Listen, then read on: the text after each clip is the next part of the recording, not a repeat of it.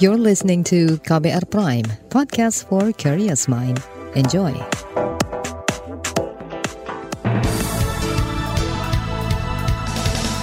Selamat pagi saudara, senang sekali bisa menjumpai Anda kembali melalui program Buletin Pagi edisi Kamis 18 Agustus 2022. Saya Malika. Sejumlah informasi pilihan telah kami siapkan di antaranya, pemerintah andalkan investasi untuk bangun IKN, pengamat ingatkan soal krisis global. Hari ini Kejaksaan kembali periksa Surya Darmadi terkait kasus korupsi. DPRD Papua dorong pemerintah segera bahas RUU KKR. Inilah Buletin Pagi selengkapnya. Terbaru di Buletin Pagi. Saudara Presiden Joko Widodo menegaskan pembangunan ibu kota negara IKN Nusantara di Kalimantan Timur tidak akan membebani APBN. Menurutnya, dari total kebutuhan anggaran pembangunan yang mencapai 486 triliun rupiah, APBN hanya akan mendanai 20 persennya saja, atau sekitar 97 triliun rupiah bukan kota biasa, tetapi kota rimba dengan pelayanan pendidikan dan kesehatan kelas dunia. Kawasan inti pusat pemerintahan memang dibangun oleh APBN, tetapi selebihnya 80 persen investasi swasta diundang ikut berpartisipasi. Sebelumnya Jokowi juga telah menerbitkan peraturan pemerintah tentang pendanaan dan pemindahan ibu kota negara IKN serta penyelenggaraan pemerintah daerah khusus IKN Nusantara. Peraturan ini mengatur sumber dan skema pendanaan dalam rangka persiapan pembangunan dan pemindahan ibu kota baru, termasuk juga menyetujui sumber pendanaan yang berasal dari APBN dan penerimaan lain yang sah sesuai undang-undang. Adapun dana IKN saat ini dikelola langsung oleh Kementerian Pekerjaan Umum dan Perumahan Rakyat PUPR, di mana pada tahun 2023 anggaran PUPR mencapai 125 triliun rupiah, termasuk di dalamnya 20 triliun rupiah untuk IKN. Menteri PUPR Basuki Hadi Mulyono menyebut pada tahap awal anggaran itu akan dikelola untuk membangun wilayah inti ibu kota negara. Baik itu dari pembangunan perkantoran presiden, perkantoran wapres, jalan nasional, jalan tol dari Balikpapan ke IKN, dan sekarang sudah tender semua, uh, mungkin sekarang sudah di dalam masa sanggah, jadi insya Allah uh, akhir bulan ini sudah bisa ditandatangani kontraknya, kemudian akan segera dilaksanakan. Itu namanya prasarana dasar.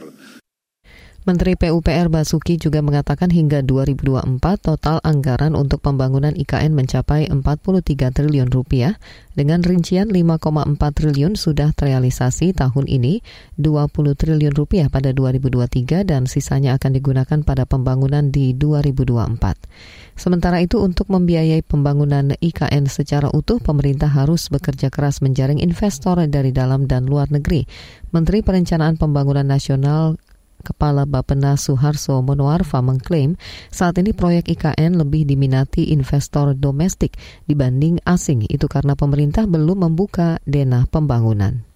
Sekarang yang bisa saya bilang confirm itu banyak kan dari domestik ya dalam negeri. Ya mereka mau ikut serta di dalam pembangunan uh, baik infrastruktur maupun dalam pembangunan penyediaan uh, fasilitas uh, layanan publik, misalnya perumahan, gitu, kemudian bangunan-bangunan mixed use. Ada beberapa asing yang sudah menyatakan berminat, tapi kan uh, apa namanya uh, prosesnya itu kan harus harus proper. Itu tadi Menteri PPN Kepala Bappenas Suharso Monoarfa. Di sisi lain, Kepala Badan Otorita IKN Bambang Susantono menyebut ketertarikan investor asing pada proyek IKN juga cukup besar, bahkan hingga saat ini ada empat negara yang sudah mantap berinvestasi di mega proyek tersebut. Di antaranya Uni Emirat Arab yang telah berjanji memasukkan 10 miliar US dollar atau sekitar 147 miliar rupiah dalam skema IKN Fund, diikuti Korea Selatan, Jepang, Amerika, dan Cina. Bambang menambahkan masih ada beberapa negara lain yang juga mulai melirik proyek ini. Melihat pemerintah yang cukup optimistis untuk menarik investor asing, para pakar ekonomi mulai mengingatkan jajaran menteri terkait kendala yang mungkin timbul dalam proses pencarian dana. Direktur Eksekutif Indef Tauhid Ahmad menyebut krisis ekonomi global berpotensi menjadi penghalang bagi investor mengeluarkan uangnya untuk mendanai proyek mahal dalam waktu lama. Nah ini kan saya kira di tengah situasi gini ya investor-investor uh, ini mengalami kesulitan kalau dia harus uh, mendatangkan uang sebesar itu gitu. Nah, saya khawatir kemungkinan adalah uh, anggaran untuk uh, itulah yang dijadikan tumpuan begitu loh. Mungkin yang properti butuh swasta, tapi kalau yang layanan dasar, pendidikan, kesehatan dan sebagainya, pada akhirnya kembali lagi menggunakan dana APBN. Itu tadi Direktur Eksekutif Indef, Tauhid Ahmad. Senada Direktur Center for of Economic and Law Studies, Selios Bima Yudhistira juga mengingatkan pemerintah untuk mewaspadai adanya pembengkakan biaya seperti pada proyek-proyek sebelumnya. Itu terjadi lantaran kenaikan harga material impor, selisih nilai tukar mata uang hingga biaya tenaga kerja. Kekhawatiran proyek IKN membebani APBN juga diungkapkan anggota fraksi PKS Amin Aka. Dalam pesan singkat yang diterima KBR, ia menyebut target penggunaan APBN dalam mega proyek itu bisa melenceng seperti pada proyek kereta cepat Jakarta-Bandung. Di samping itu, ia juga menyebut kebutuhan negara saat ini sudah sangat besar dengan adanya subsidi energi dan percepatan pemerataan infrastruktur. Pemerintah beri remisi ratusan ribu napi di hari kemerdekaan. Informasinya hadir sesaat lagi, tetaplah di Buletin Pagi KBR. You're listening to KBR Pride, podcast for curious mind. Enjoy!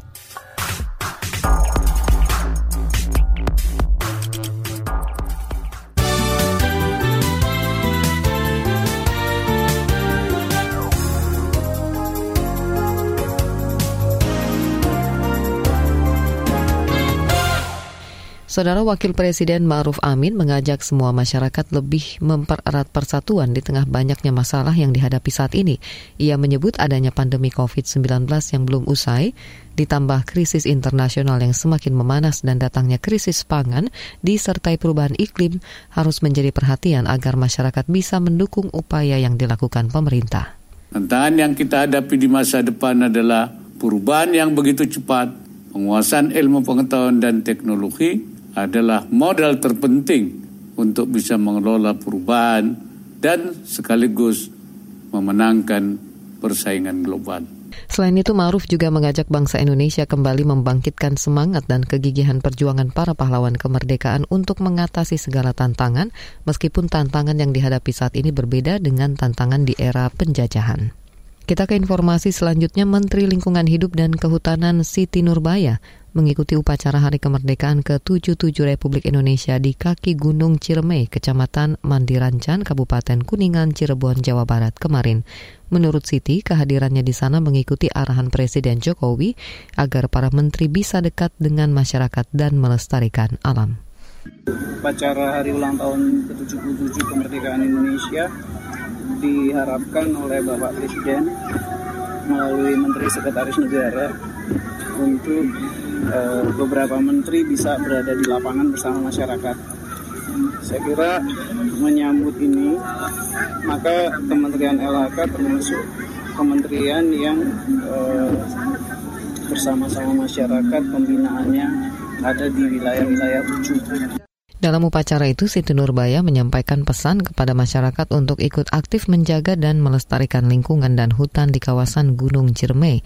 Ia pun mengatakan perayaan HUT RI di kaki Gunung Ciremai ini adalah momen untuk menyapa, mengenal, dan memahami masyarakat sekitar, serta mengetahui secara langsung keinginan masyarakat terutama terkait upaya pelestarian lingkungan hidup dan kehutanan. Kita ke informasi pemilu. Kabar pemilu. Kabar pemilu. Ketua Komisi Pemilihan Umum Hashim Ash'ari berharap momentum Hari Kemerdekaan Republik bisa jadi upaya mewujudkan penyelenggaraan pemilu yang merdeka. Itu disampaikan Hashim setelah mengikuti upacara kemerdekaan di KPU kemarin. Ia memaparkan KPU sebagai penyelenggara pemilu akan memberikan jaminan dalam dua hal. Pertama, rakyat pemilih dapat memerdekakan dirinya mengekspresikan secara bebas pilihan dalam pemilihan umum. Kedua, memberikan jaminan kepada peserta calon peserta pemilu untuk mengekspresikan dirinya dalam pemilu 2024. Apalagi lanjut Hashim, peringatan kemerdekaan tahun ini bertepatan dengan tahapan pemilu 2024. Oleh sebab itu, Hashim mengingatkan seluruh penyelenggara pemilu bekerja sesuai undang-undang dan kode etik yang berlaku. Kita ke informasi hukum, Kementerian Hukum dan HAM memberi remisi kepada 168 ribuan narapidana dan anak binaan yang menghuni lembaga pemasyarakatan di seluruh Indonesia. Menteri Kumham Yasona Lauli menyebut sebanyak 2.700-an napi di antaranya dinyatakan langsung bebas. Kita memberikan remisi kepada warga binaan kita yang telah berkelakuan baik dan ini adalah sesuatu yang normal dan sesuai dengan ketentuan undang-undang. Berbagai negara yang memberikan remisi pada aturan kita di sini bisa dengan remisi-remisi yang lain yang sesuai dengan kita memberikan remisi kepada warga binaan Yasona juga menyebut remisi itu diberikan secara khusus kepada para warga binaan pemasyarakatan yang mengikuti program-program binaan. Itu agar narapidana yang mendapat remisi nantinya bakal siap secara mental, spiritual, dan sosial untuk kembali ke masyarakat. Ia berharap remisi dapat menjadi motivasi bagi para warga binaan lainnya untuk mengikuti program pembinaan. Manajer kampanye dan advokasi Amnesty International Indonesia Nurina Safitri menyebut pidato Presiden Joko Widodo soal kepres pembentukan tim penyelesaian non-yudisial pelanggaran HAM berat masa lalu harus dicermati secara kritis. Menurutnya kepres itu tidak berpihak pada korban guna menuntaskan pelanggaran HAM berat.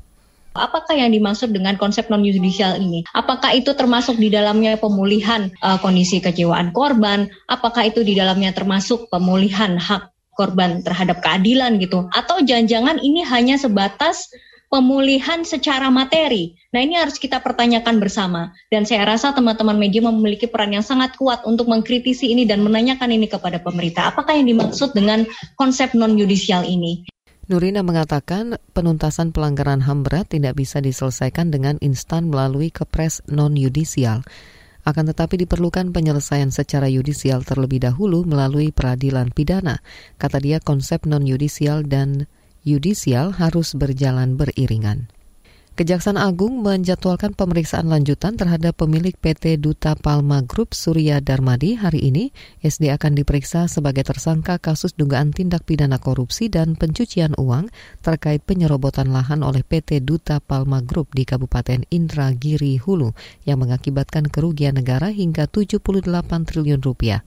Menurut juru bicara Kejaksaan Agung Ketut Sumedana, semula penyidik akan memeriksa SD pada 16 Agustus, namun karena pertimbangan kondisi fisik tersangka yang masih kelelahan, maka pemeriksaan diundur hari ini. Selain kasus penyerobotan lahan, SD juga tengah menjadi objek penyidikan oleh KPK terkait kasus alih fungsi hutan di Riau. Kita beralih ke berita mancanegara. Pakar Persatuan Bangsa-Bangsa PBB menuding Cina melakukan praktik perbudakan terhadap orang-orang minoritas di Uighur di Provinsi Xinjiang. Dilansir dari AFP, pakar PBB bidang perbudakan modern Tomoya Obokata yang melakukan wawancara dengan LSM dan para korban di Xinjiang memastikan sejumlah praktik kerja paksa dilakukan di beberapa sektor seperti pertanian dan manufaktur. Salah satu cara dalam melangsungkan praktik kejahatan kemanusiaan itu dengan menjalankan pusat pendidikan dan pelatihan keterampilan kerja, di mana para korban ditahan hingga ditempatkan kerja. Sementara tahanan lain akan dilibatkan dalam transfer tenaga kerja dengan dalih mengentaskan kemiskinan. Para pekerja ditempatkan pada sektor pekerjaan sekunder atau tersier. Praktek kejahatan manusia ini telah berlangsung sejak 2018 terhadap satu juta warga Uighur di kamp pertahanan. Di sana mereka didoktrin paham komunis dan tidak diperbolehkan beribadah.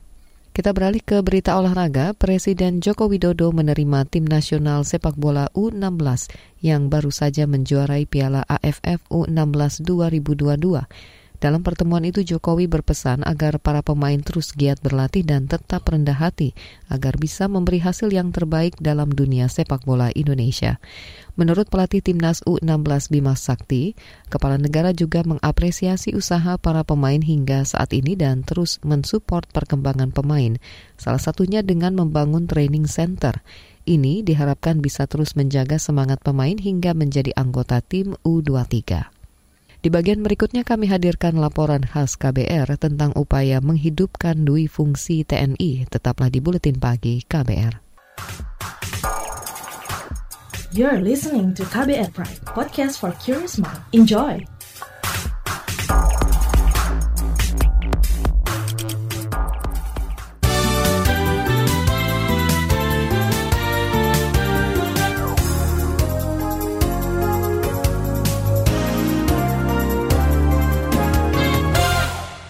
Saudara usulan agar perwira TNI aktif menjabat di kementerian lembaga kembali muncul, Menteri Luhut yang menjadi pengusul menuai kritik karena dianggap berupaya menghidupkan kembali dui fungsi TNI. Mengapa usulan ditolak? Berikut laporan khas KBR disusun jurnalis Reski Novianto. Usulan agar perwira aktif TNI bisa masuk ke pemerintahan kembali menyeruak. Usulan terakhir datang dari Menteri Koordinator Bidang Kemaritiman dan Investasi Luhut Binsar Panjaitan. Ia mengusulkan perubahan Undang-Undang Nomor 34 Tahun 2004 tentang TNI dengan memasukkan pasal agar perwira aktif TNI dapat bertugas di kementerian atau lembaga. Sebenarnya saya sudah mengusulkan untuk perubahan Undang-Undang TNI. Undang-Undang TNI itu sebenarnya satu hal yang perlu dari sejak saya Menko Polhukam, yaitu bahwa TNI boleh ditugaskan di kementerian lembaga atas permintaan dari institusi tersebut atas persetujuan Presiden. Itu sebenarnya akan banyak membantu, tidak perlu banyak bintang-bintang yang tidak perlu di Angkatan Darat. Jadi Angkatan Darat bisa lebih efisien. Menurut Luhut, jika wacana itu terwujud, maka para perwira tinggi TNI bisa menanggalkan jabatan yang tidak perlu di institusi, sehingga kerja bisa semakin efisien. Akan tetapi, Presiden Joko Widodo menolak usulan Luhut tersebut. Ia menganggap saat ini belum ada kebutuhan mendesak bagi perwira aktif TNI Polri untuk dapat menduduki jabatan di kementerian atau lembaga. Ya, saya melihat masih kebutuhannya saya lihat belum mendesak. Berarti akan tetap tidak akan dalam waktu dekat ya, Ya kebutuhannya sudah saja kebutuhannya kan saya lihat belum mendesak. Argumen Presiden Jokowi diperkuat sejumlah fraksi di DPR. Salah satunya anggota Komisi Bidang Pertahanan DPR dari PDI Perjuangan, Effendi Simbolon. Effendi menilai salah satu hasil yang diperjuangkan masa reformasi yakni mengembalikan fungsi tunggal TNI untuk menjaga pertahanan kedaulatan negara. Ia menganggap usulan Luhut itu tidak tepat salah satu hasil yang diperjuangkan reformasi itu kan salah satunya mengembalikan fungsi tunggal dari para nasional Indonesia. Memang untuk menjaga pertahanan kedaulatan negara. Jadi dia ruang militer bukan masuk di ranah sipil ya. Fungsi sosial politiknya kan tanggalkan dari fungsi zaman Orde Baru. Walaupun Undang-Undang 34 itu dengan uh, undang-undang yang linier yang dengan uh, masih ada penempatan di di institusi-institusi negara yang memang masih ada kaitannya langsung dengan fungsi pertahanan. Jadi posisi perwira aktif itu masih bisa ditempatkan apakah di Menko Polhukam, apakah di BSSN, apakah di DB, masih bisa. Tapi kalau diartikan untuk dia sebagaimana ASN sipil ya maknanya akan berbeda ya berubah total itu kan kembali kepada esensi lama bahwa TNI itu menjadi kembali berfungsi itu yang saya kira tidak mungkin lah kalau itu ya. Effendi mengatakan revisi Undang-Undang TNI agar perwira aktif bisa mengisi posisi menteri akan mengembalikan esensi lama dui fungsi ABRI. Ia menganggap itu sangat berbahaya dan bertolak belakang dengan cita-cita reformasi. Kekhawatiran hidupnya kembali dui fungsi ABRI juga disampaikan sejumlah LSM yang tergabung dalam koalisi masyarakat sipil untuk reformasi sektor keamanan. Anggota koalisi yang juga peneliti kontras, Rozi Brilian menilai, wacana penempatan perwira aktif TNI di kementerian atau lembaga akan merusak profesionalisme institusi dan agenda reformasi. Rozi mengatakan salah satu tuntutan reformasi adalah mengembalikan fungsi tentara sebagai penjaga pertahanan bangsa. Rozi khawatir penempatan perwira militer di kementerian atau lembaga nantinya hanya didasarkan pada kekuasaan bukan kompetensi. Karena memang ini baru merupakan usulan, maka tentu kontra narasi terhadap usulan ini harus terus disuarakan untuk akhirnya menyeimbangkan diskursus ini gitu ya. Karena ketika misalnya hanya narasi tunggal dan dari negara, kami khawatir bahwa masyarakat justru cenderung hanya melihat pendapat ini. Yang kedua, misalnya dalam konteks sejarah, kita juga jangan lupa bahwa kita sudah sepakat dalam konteks 98, dalam konteks reformasi, bahwa kita sudah lelah dengan kekerasan gitu ya. Ketika misalnya rezim yang dikuasai oleh militer. Ketika misalnya ada upaya-upaya untuk mengembalikan cara-cara militeristik rezim Orde Baru itu kembali hadir, misalnya dalam konteks apa namanya statement Luhut, nah itu masyarakat juga harus menentang. Gitu. Koalisi sipil menolak tegas usulan revisi Undang-Undang TNI untuk menempatkan prajurit TNI aktif dalam jabatan sipil di kementerian atau lembaga. Demikian laporan khas KBR, saya Reski Novianto. Informasi dari sejumlah daerah akan hadir usai jeda, tetaplah di Buletin Pagi KBR. You're listening to KBR Pride, podcast for curious mind. Enjoy!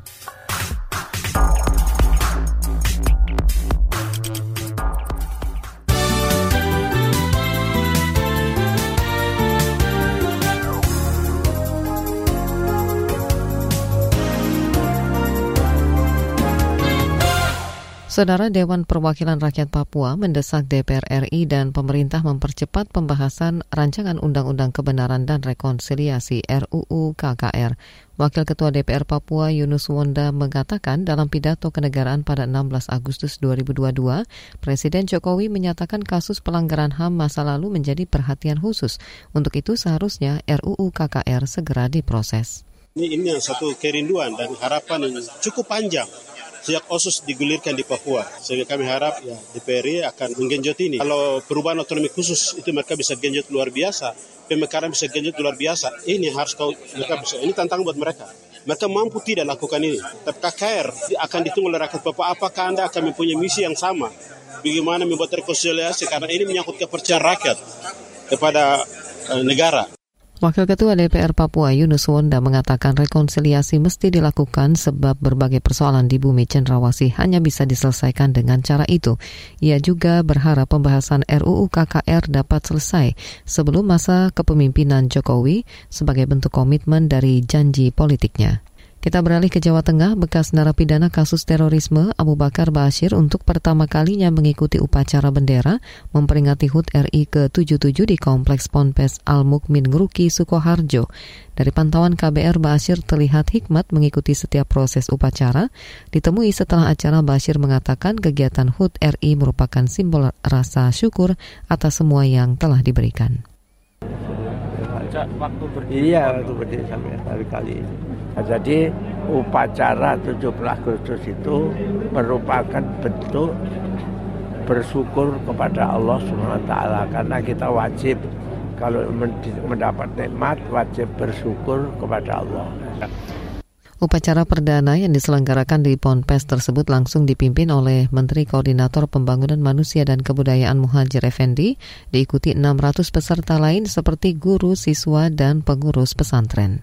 Beralih ke DKI Jakarta, Gubernur DKI Jakarta Anies Baswedan menyebut nilai pajak bumi dan bangunan PBB di Jakarta paling tinggi dibanding daerah lain. Ini dikatakan Anies di acara Pajak Jakarta Adil dan Merata untuk semua di RPTRA Mangga 2 Selatan, Jakarta kemarin. Anies mengaku khawatir dengan pajak yang tinggi bisa pelan-pelan mengusir warga Jakarta karena tidak mampu membayar PBB. Karena itu Anies mengatakan pemerintah Provinsi DKI Jakarta membebaskan pajak bumi dan bangunan perdesaan dan Perkotaan PBB P2 untuk rumah warga Jakarta dengan nilai jual objek pajak atau NJOP di bawah 2 miliar rupiah per tahun per tahun 2022. Sedangkan untuk rumah dengan NJOP di atas 2 miliar tetap terkena pajak. Informasi tadi menutup jumpa kita di Buletin Pagi hari ini. Pantau juga informasi terbaru melalui kabar baru situs kbr.id, Twitter kami di akun @beritaKBR serta podcast di alamat kbrprime.id. Saya Malika bersama tim yang bertugas undur diri. Salam.